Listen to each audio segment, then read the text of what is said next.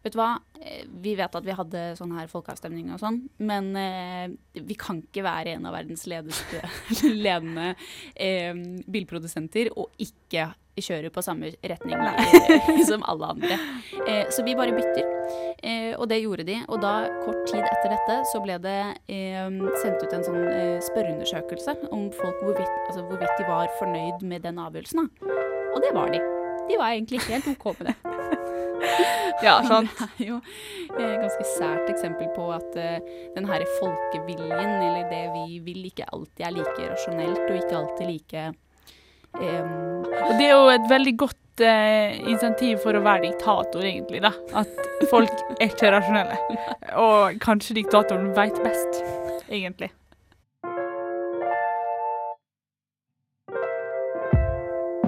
Dette er Politisk kabaret med Hedda Kurseth og Elise Nilsen Lømo.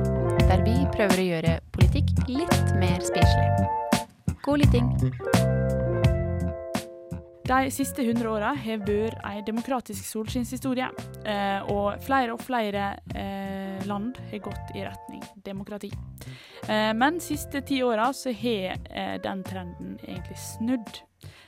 Så kanskje ikke demokrati er tingen likevel. Eh, men dersom vi ikke har demokrati, hva slags styreformer har vi da, Elise?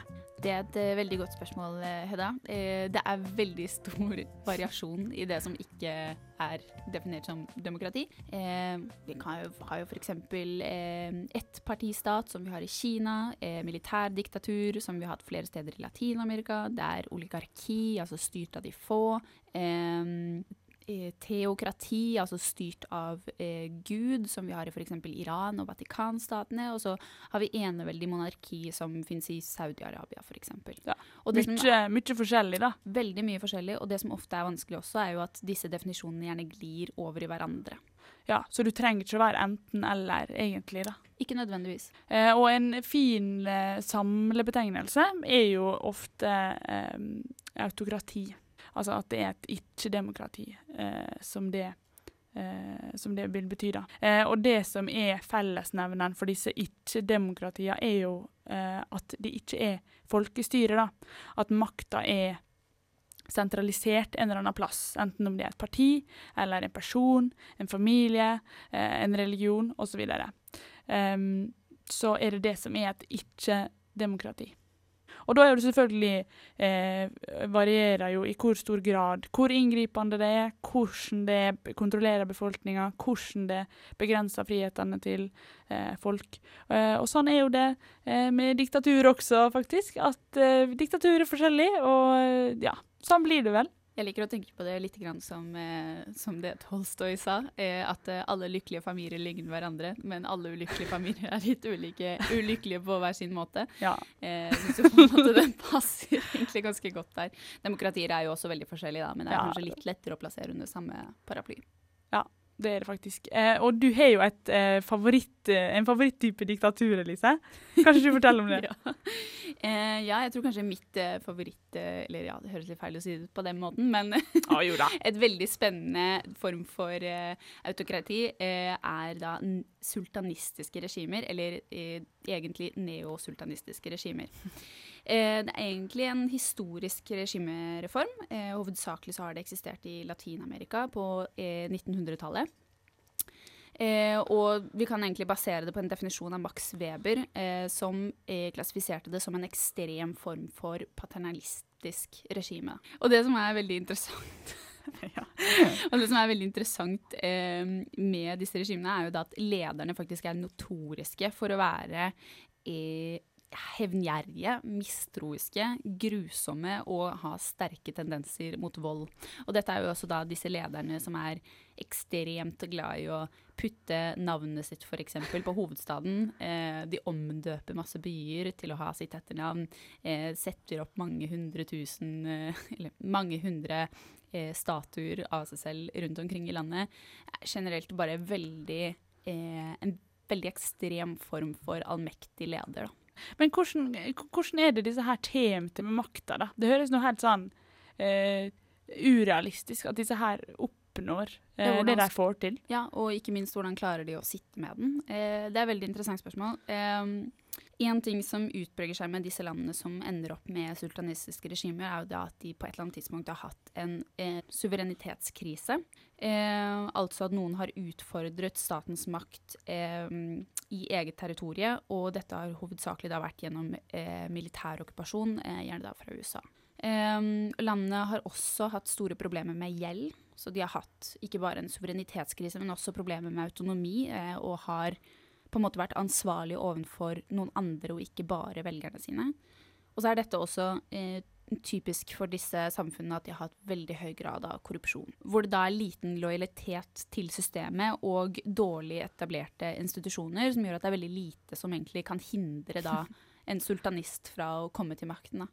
Hele det politiske systemet har på en måte vært basert på mellommenneskelige relasjoner. Og når eh, sultanisten da har kommet inn, så har han tatt over disse båndene og knyttet alle sammen mot seg selv. Så istedenfor å ha et nettverk av korrupsjon, så har da på en måte alt gått direkte til han. da. Um, for dette er jo da politiske regimer der eh, alt egentlig er basert på enten frykt eller løfte om belønning. Ja, det høres jo ut som et skikkelig sånn krampe, kramperegime. Absolutt. Ordentlig sånn skal vri kluten til vi liksom OK, nå er ikke det mye igjen, vi bare kjører på. Og disse regimene har jo også endt skikkelig dårlig òg, så det er jo det er veldig trist. Gjerne endt i nye diktaturer, faktisk. Av bare andre typer. Det er Ja, det er mangfold. Det er det som Det er er. Det er mye forskjellige autokrati der ute.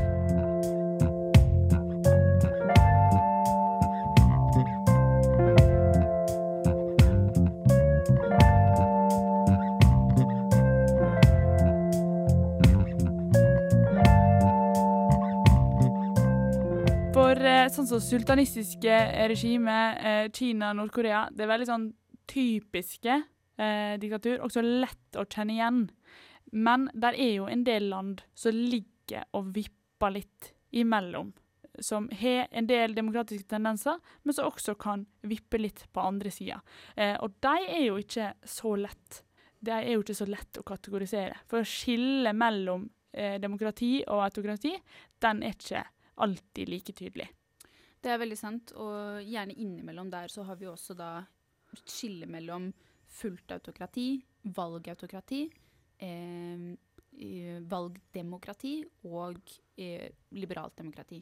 Eh, og det er gjerne der i skillet mellom valgautokrati og valgdemokrati at det blir veldig vanskelig å, å egentlig sette en, en strek, da. Eh, for eh, vanligvis så har jo eh, nedbrytinga av et demokrati skjedd veldig plutselig. Eh, typisk har jo vært militærkupp. Eh, at folk går inn, tar over makta, og nå er det diktatur.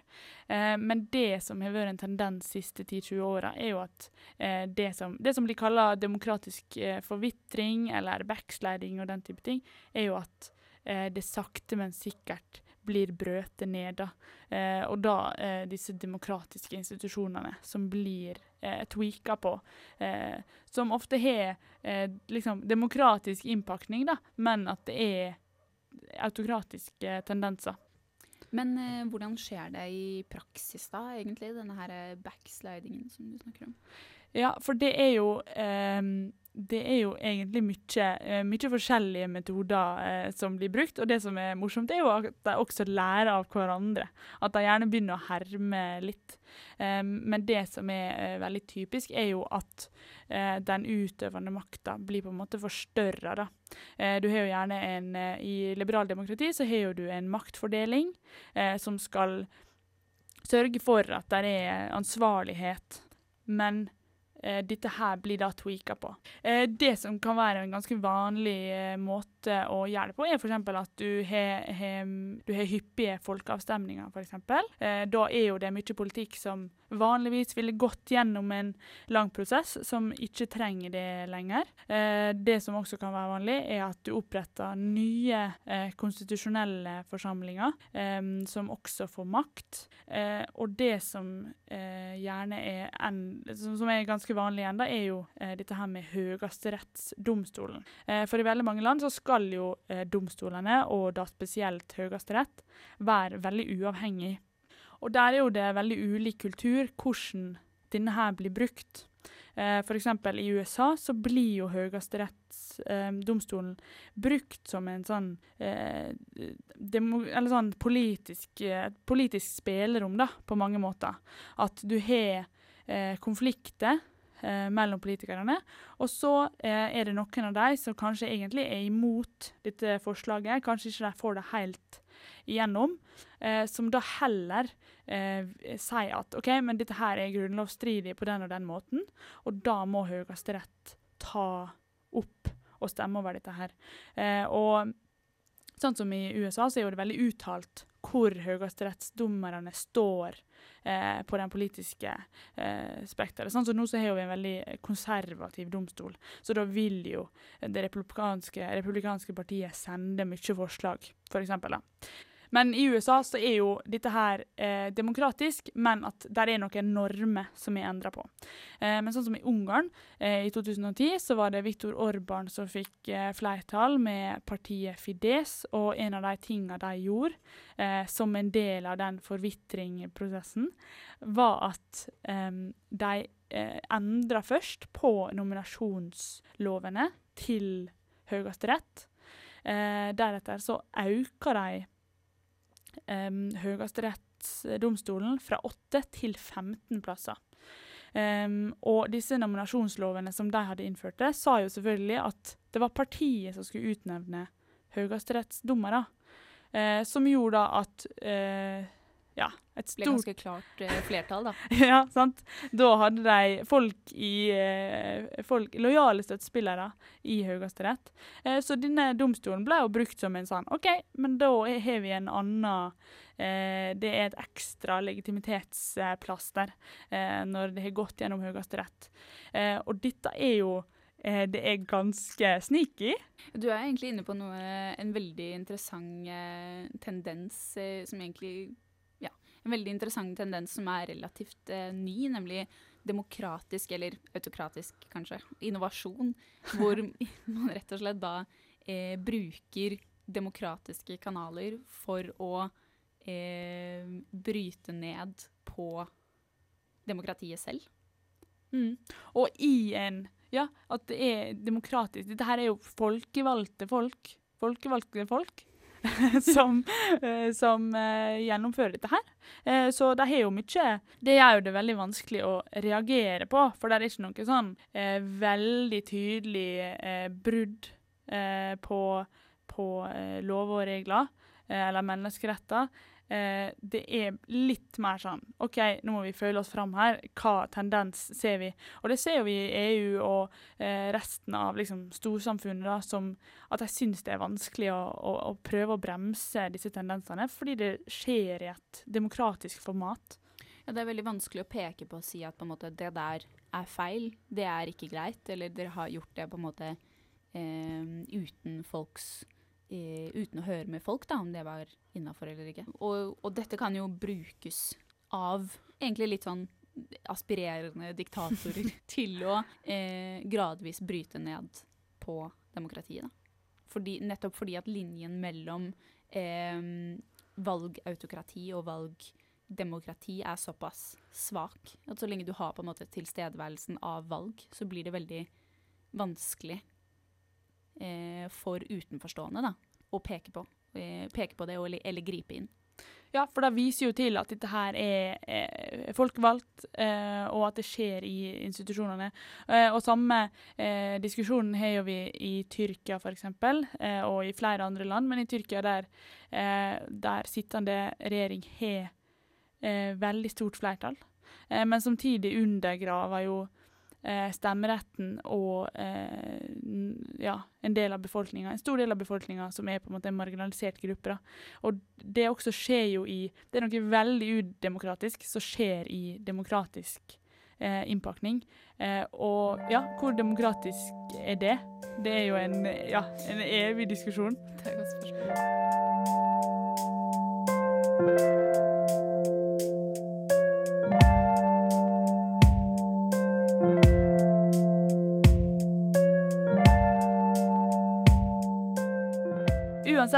Regimetype så er det staten som er den høyeste myndigheten, som bestemmer over et geografisk område. Eh, Max Weber var en av de som sa at en stat er kjennetegna med at eh, de som sitter på makta, da, har legitimt monopol eh, på å bruke fysiske virkemiddel.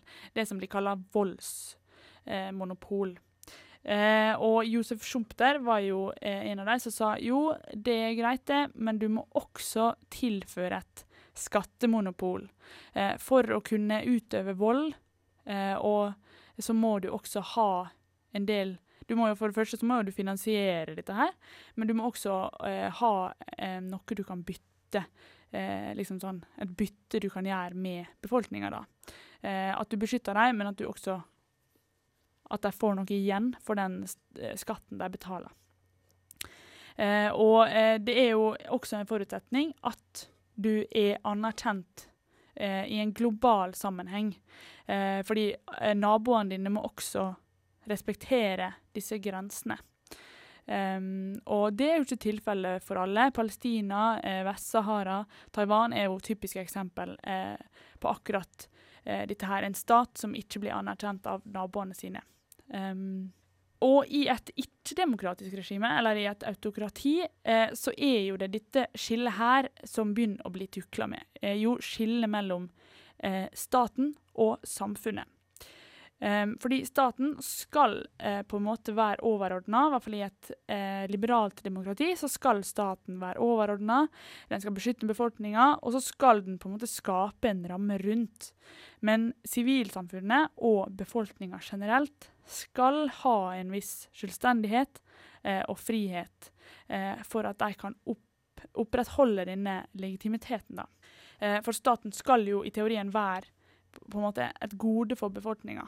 Eh, men i et autokrati så blir disse tinga litt endra på, eh, og staten går kanskje inn der han ikke skal. Og der er en, viss, eh, der er en del friheter og legitimitet som blir på en måte satt på spill. Da. Men en sterk og en svak stat tilhører jo ikke eh, demokrati og autokrati.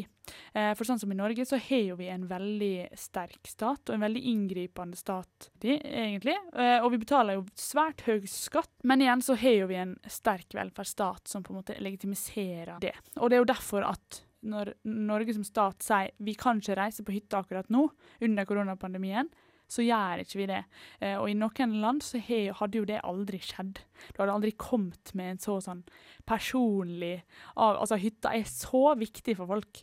Eh, og det at Norge kan være sånn Folkens, ikke reis på hytta. Og vi bare OK. Det er liksom der har du en sterk stat. Og det har jo vi sett spesielt nå i denne situasjonen som vi har eh, hvor lydig har befolkninga i ulike land vært. Og det går jo på eh, legitimiteten til staten når den er inngripende. Og eh, dette her med sterk eller svak stat er jo en av disse skillelinjene i et liberalt demokrati, eh, der høyresida eh, gjerne setter Um, valgfrihet, frihet for enkeltindividet, mindre innblanding fra staten, eh, lavere skatter osv. for å bevare friheten.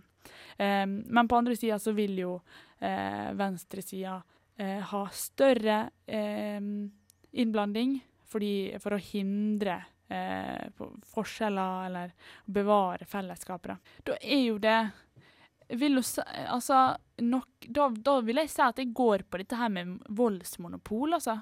At da må du finne Og det handler jo om sånn Hvor finner du legitimiteten din? Eh, og noen finner jo Jeg vet ikke om du kan kalle det legitimitet, men at du finner i hvert fall eh, at, at, folk eh, er lydhøre for staten. I, altså at de oppnår det gjennom frykt. da. At det er en form for legitimitet. Mm. Ja, for der er du jo, der er du jo absolutt inne på noe. Altså det at demokratiske regimer de finner sin legitimitet i det at de i bunn og grunn er valgt av folket. Vi har valgt dem til å bestemme over oss, og dermed så bestemmer vi også litt over dem. eh, men hos i autokratiske regimer, eh, hvor er det da den legitimiteten kommer fra? Jeg tenker i hvert fall eh, litt på Max Weber. Eh, igjen, da. eh, når det kommer til dette spørsmålet. For han definerte tre ulike former for eh, legitimitet, eller da måter man kan legitimere makt og kontroll og innflytelse eh, over samfunnet på. Og Weber mente at eh, denne, denne, legitimiteten enten kunne komme fra en eh, skjevfordeling av økonomiske og kulturelle ressurser, eh, eller så kan den komme fra autoritet. Um, og denne, enten, altså, denne autoriteten kan enten bunne i tradisjon, eh, legalitet eller karisma. Altså tilbake på disse her eh, populistiske regimene, ja. hvor, hvor eh, legitimiteten til lederen ligger i deres personlighet. Da. At det er en stor, eh, sterk, karismatisk eh, mann ofte, som, som, på en måte er en del av, en del av folket og har på en måte legitimitet eh, på den måten. Det som for så vidt er ganske interessant med disse ulike formene for autoritet, er jo det at eh, de gjerne eksisterer eh, på samme, te, stam, samme sted eh, til samme tid. Eh, det er ikke sånn at vi kun Altså at vi eksklusivt har eh, autoritet basert på tradisjon. men det kan f.eks. være sånn som den norske grunnloven, da, som på en måte er Eh, den har sin autoritet i legaliteten, fordi det er en kontrakt vi har inngått. Eh, men også man kan argumentere for at den har eh, autoritet i tradisjon, fordi at den begynner å bli gammel nå. ikke sant? Det vi har på en måte Den har alltid funket, og vil alltid funke. Så da bare fortsetter vi å stole på at den har rett. Lite karisma i Lite den. Karisma. det, må, det, må, være lov å si. Ja. Ja. Det er jo litt, uh, litt banalt eksempel. Men f.eks. Uh, med monarkiet da, i Norge. De har jo ingen uh, reell makt, men de har jo absolutt autoritet i sin tradisjon. Eh, og så er jo det noen eh, autokrati der de finner eh, legitimitet i alternativer. At, og det er kanskje litt i sånn populistisk ånd. At det er ikke det at regjeringa eh, gjør at befolkninga har det bedre og, og, faktisk møter dem på de tingene de er enig i, men at de gjerne kanskje fører en politikk som er f.eks. sånn anti-EU, anti-innvandring. At de setter det opp som en sånn Eller at politikken går litt Det er litt sånn fryktbasert. Og dermed så har jo det ofte eh, Og da går vi inn på dette her med hvor rasjonell er velgeren. For det er jo veldig mange som stemmer på diktatoren sin, selv om meningsmålene sier helt imot. Og der hadde jo du et veldig eh, morsomt eksempel på akkurat dette her med å stemme på noe du ikke vil. ja, det, det, er, det, er et veldig kult eksempel fra Sverige. Eh, hvor de en gang på 60-tallet vurderte hvorvidt de skulle bytte kjøreretning. Eh, og eh, det første de gjorde da, det var at de tok et folkevalg. Eh, hvor befolkningen da sa nei, vi er ikke egentlig så veldig interessert i å bytte kjøreretning. Det var noe sånn litt over 50% som sa nei. Um, og så da, et par år etter dette, eh, så sa regjeringen at Vet du hva, eh, vi vet at vi hadde sånn her folkeavstemning og sånn, men eh, vi kan ikke være en av verdens ledeste, ledende eh, bilprodusenter og ikke kjøre på samme retning som alle andre. Eh, så vi bare bytter. Eh, og det gjorde de. Og da, kort tid etter dette, så ble det eh, sendt ut en sånn eh, spørreundersøkelse om folk hvorvidt, altså hvorvidt, de var fornøyd med den avgjørelsen. Da. Og det var de. De var egentlig helt OK med det. ja, sant. Det er jo et ganske sært eksempel på at uh, den her folkeviljen, eller det vi vil, ikke alltid er like rasjonelt, og ikke alltid like um, Og det er jo et veldig godt uh, insentiv for å være diktator, egentlig. da. At folk er ikke rasjonelle. Og kanskje diktatoren veit best, egentlig. Eh, men Hedda, bare sånn til siste ting. Eh, jeg kom til å tenke på dette her du sa om eh, voldsmonopol og skattemonopol. Eh, og en annen eh, da, teoretiker som har snakket litt om dette, er Charles Tilly, eh, som da mente at den moderne staten egentlig Han sammenlignet da den moderne stat med en eh, litt stor mafiaorganisasjon. som man eh, gjør. som man gjør. kanskje litt først og fremst fordi at eh, stater er, som han sier, in the business of selling protection. Eh, og her er det et lite pek på eh, kanskje en litt dyster tolkning av eh, europeisk eh, statsbygging. Eh, der eh, historien også kan beskrives som at statene har tvunget inn skattemonopol på befolkningen eh, for å beskytte borgerne fra konflikter de selv har skapt. Ikke sant? Så litt sånn eh, Dette her med det volds- og skattemonopolet, det er jo Det er litt det er omdiskutert, da, kanskje. Ja. Men det, er jo, det, jo, det trengs jo ikke, da. Sånn som Norge er jo et godt eksempel på et land der skattemonopolet står sterkt, men voldsmonopolet Jeg tror ikke det er det folk tenker på når de, Tenker når på de den det stat. Erna, Erna sier. Nei. Det, er, ikke- det er ikke beskyttelse, da. Nei. Eh, fra Russland, for eksempel. Men demokrati er forskjellig, autokrati er forskjellig, og godt er det. Det, ja. ingen, ingen som er like. Nei.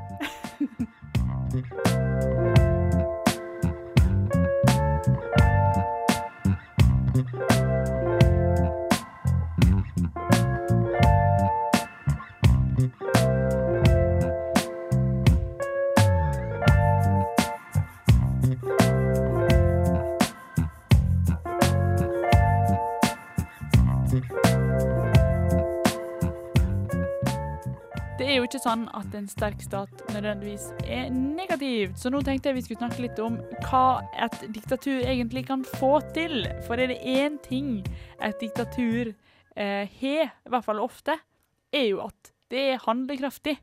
Det må ikke ta hensyn til hva folket vil, eller menneskerettigheter, eller eh, eh, internasjonale organisasjoner. De kan holde på litt sånn som de vil. Det er veldig sant. Eh, de har jo på en måte ikke det effektivitetsproblemet som eh, demokratier gjerne blir beskyldt for å ha. Da. Nei, det er ikke en veldig stor byråkratisk prosess eh, i et autokrati. Men jeg har faktisk eh, tenkt litt grann på det her, eh, Hedda, eh, fordi jeg tenkte litt på sånn altså Et av eh, verdens største problemer i dag, og kanskje det viktigste på dagsordenen, er eh, klimakampen eh, kampen om, mot klimaendringer. Eh, og det jeg tenkte litt på da, det er om hva om Kina og Russland, som da for så vidt er to ikke-demokratiske land, eh, bare bestemte seg for å bli verdens ledende nasjoner i kampen mot klimaendringer. Hva, hva hadde skjedd da? Ja, Hadde vi klart det? ja, for ja, hvis det er noen som kan snu, eh, og gjør det eh, veldig raskt, så er jo det disse landene her. Eh, Tina er sikker på å kunne snudd på dagen. Jeg tror det hadde tatt tre timer for Tina å lagt ned alle oljenæringene sine. Bare fordi at er det noe diktaturer skal ha, i hvert fall Kina, Så er det handlekraft. det er handlekraft. Og du så hvordan de Det er jo et veldig trist eksempel, da. Men du så når det var korona, OK, de bare låste inne folk. Det er jo den mest effektive koronahåndteringa som har vært. Det varte jo ganske kort òg, faktisk. Ja, sant? Korona i Kina. Var jo over på natta. Ja. Og der tenk, det må vi overføre til klima. Ja, for jeg tenkte også, En annen ting jeg tenkte på, der, var at eh, en mulig kritikk av den tolkningen der er jo sånn Ja, men hva er insentivene til autokratier for å jobbe mot klimaendringer? Hva, hva er det på en måte de kan vinne på det? Men da tenkte jeg litt på denne her månekappløpet. Jeg vet ikke med deg, Hedda, men jeg har ikke vært på månen ennå.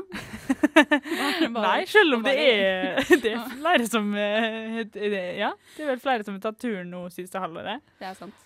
Men, eh, men på en måte, hva var det egentlig vi, liksom, den gjennomsnittlige personen opp Altså, hva var det vi vant på det, da? Eh, de brukte jo helt intense mye penger og ressurser på eh, egentlig en eh, litt sånn fleksekamp. Ja. Og kanskje det er der det ligger, at på en måte insentivet er å vise sin em, eh, teknologi, eh, økonomiske og, eh, og kunnskapsressurser, da. Ja, men tror ikke du at det kan gå litt den veien? For sånn, det, i hvert fall hvis vi tenker ganske langt fram i tid, da, 50 år fram i tid, som er jo Jeg håper jo i hvert fall ikke at det er økonomisk gunstig å drive med eh, olje og gass og eh, jeg, vil, jeg vil ikke tro det. Kanskje forstå at vi, vi må kanskje legge om. Og da har jo de sitter jo der på enorme ressurser til å faktisk gjennomføre dette her. Og hvis det blir en ny eh, kald krig, men at det går på klima, jeg sier kjør på. Kjør på!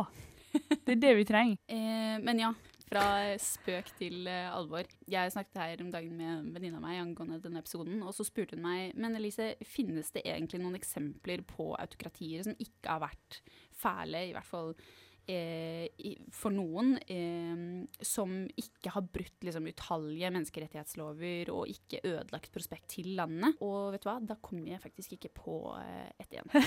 Ja, det var det, da. Eh, nei, nei. Nei. Det. Så, så, så ja, ikke sant. Kanskje, kanskje diktatur egentlig ikke er så fett, da. Ja. Jeg synes, men jeg syns det er kjekt at vi snakker om det som kan være positivt, og all eh, håpa vi har for eh, disse diktaturene rundt oss. Det, Særlig når det er så mange av dem. Ja, ikke sant?